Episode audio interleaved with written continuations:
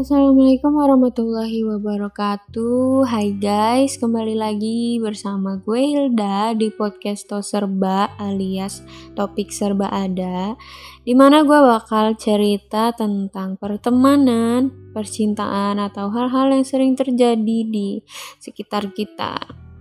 Guys, setiap manusia kan sudah ditakdirkan bagaimana kehidupannya nanti sejak ia belum ada di dunia ada yang nasibnya baik, ada yang kurang baik, tapi mau gimana pun itu kita harus tetap bersyukur ya. Kalau nasibnya kurang baik, kita masih bisa berusaha kok.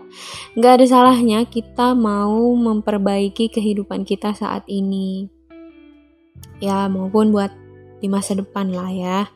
Semuanya gak ada yang instan kecuali dari lahir udah dapet privilege punya orang tua kaya Gak perlu capek-capek cari uang, tinggal nerima aja duduk manis, rebahan.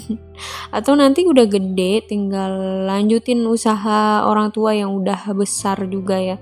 Yang udah bertebaran di mana-mana, tinggal ya rekrut karyawan, asisten, ya gampang lah itu. Duit ngalir ke rekening gak habis-habis sampai tujuh turunan kita yang hidupnya biasa-biasa aja, pontang-panting cari kerja buat ngehasilin uang. Uangnya itu buat bertahan hidup atau ya banyak tanggungan lain buat orang yang kita hidupin gitu ya. Meski gak seberuntung mereka yang hidupnya enak, kita juga bisa bahagia dengan bersyukur. Asal kita selalu merasa cukup dan gak maksain apa pun ya. Bahagia ya bahagia aja walau hidupnya sederhana. Ya manusiawi juga sih kalau kita iri sama yang jauh lebih beruntung dari kita. Ya pastilah. Kalau gitu ya kita usahalah biar kayak mereka dalam seluruh prosesnya ya kita pelan-pelan buat majuin diri sendiri atau bisa juga memajukan derajat keluarga lah. Dinikmatin aja walau rasanya pahit banget tapi nanti prosesnya ini yang bikin kita kuat di masa depan jadi tahan banting gitu. Lebih tahu lah di mana celah kesalahan kita supaya ke depannya bisa ada perbaikan dan jadi lebih cepat menuju sukses. Ya jujur pasti berat banget rasanya, tapi ya itulah yang ditakdirin Tuhan buat kita.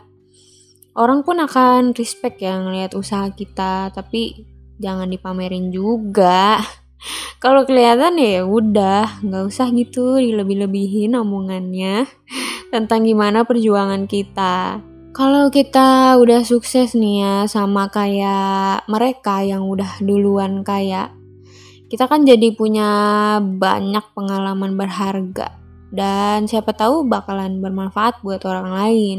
Bisa jadi dari pengalaman kita kerja di perusahaan apa atau bisnis apa dari nol ya siapa tahu kan bisa lah menginspirasi orang lain gitu dari titik nol kita sampai ke angka 10 itu kan banyak banget yang dilakuin ya gue juga terlahir dari keluarga yang sederhana ya tapi gue tahu ngelihat usaha orang tua gue buat sampai di titik saat ini tuh nggak mudah sama sekali.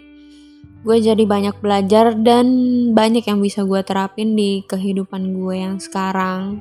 Udah harus mandiri mulai dari cara profesional kerja seperti apa atau cara memulai bisnis sendiri cara berhemat uang gaji pun gue terapin gitu yang bagus-bagus buat perbaiki kehidupan gue sendirilah Sebelum gue kerja di tempat yang sekarang juga ada hal yang bikin gue gak gampang nyerah. Setelah lulus kuliah gue gak langsung kerja, masih nganggur mungkin sekitar ada satu tahunan gitu lah ya. Selama itu pastinya gue berusaha buat cari kerja sana sini, bikin usaha kecil-kecilan ya. Biar gak bergantung diri sama orang tua lagi gitu. Sebenarnya harapan orang tua gue setelah gue lulus ya pastinya emang hidup mandiri lah jelas karena uh, kebutuhan gue juga kan semakin banyak gitu ya. Jadi ya sebisa mungkin seenggaknya gue berusaha dikit-dikit deh. Walau emang sampai sekarang juga nggak sepenuhnya gue ngehidupin diri sendiri karena gue masih tinggal sama mereka juga gitu. Begitu gue mulai kerja gue berusaha untuk tekunin kerjaan gue saat itu. Ya emang gajinya nggak seberapa lah ya kalau dibandingin sama teman-teman gue yang lain tapi harus tetap bersyukur dan hasilnya cukup untuk kebutuhan gue alhamdulillah.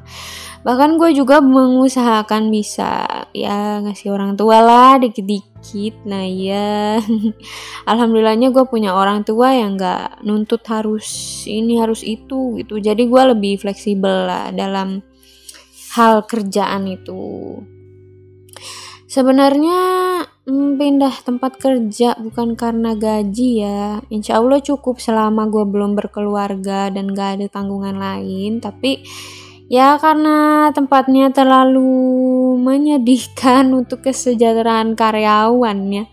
Makanya gue pindah dan ada kesempatan lain juga di tempat yang baru. Jadi kenapa nggak gue coba dulu gitu dan banyak juga yang nyaranin karena gue masih muda ya cari pengalaman sebanyak-banyaknya. Berhubung belum berkeluarga jadi ya nggak repot.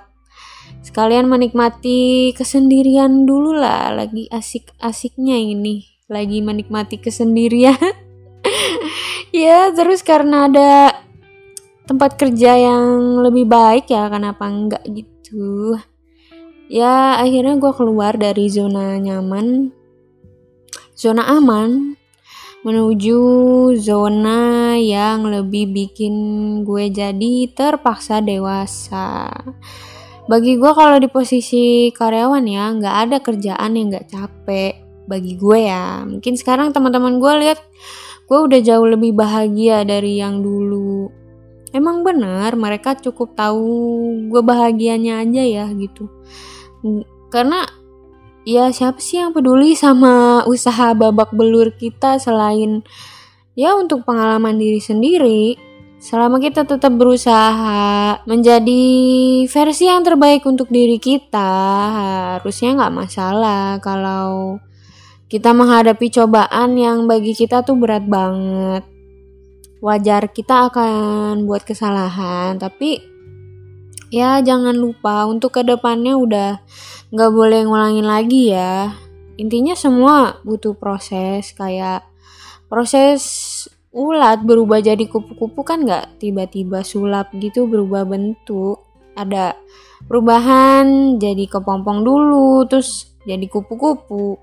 Kayak hidup kita yang awalnya mungkin gak menarik setelah melewati proses yang panjang akan ada masa di mana kita bisa seindah kupu-kupu. Sabar ya, semua butuh proses. Selalu semangat.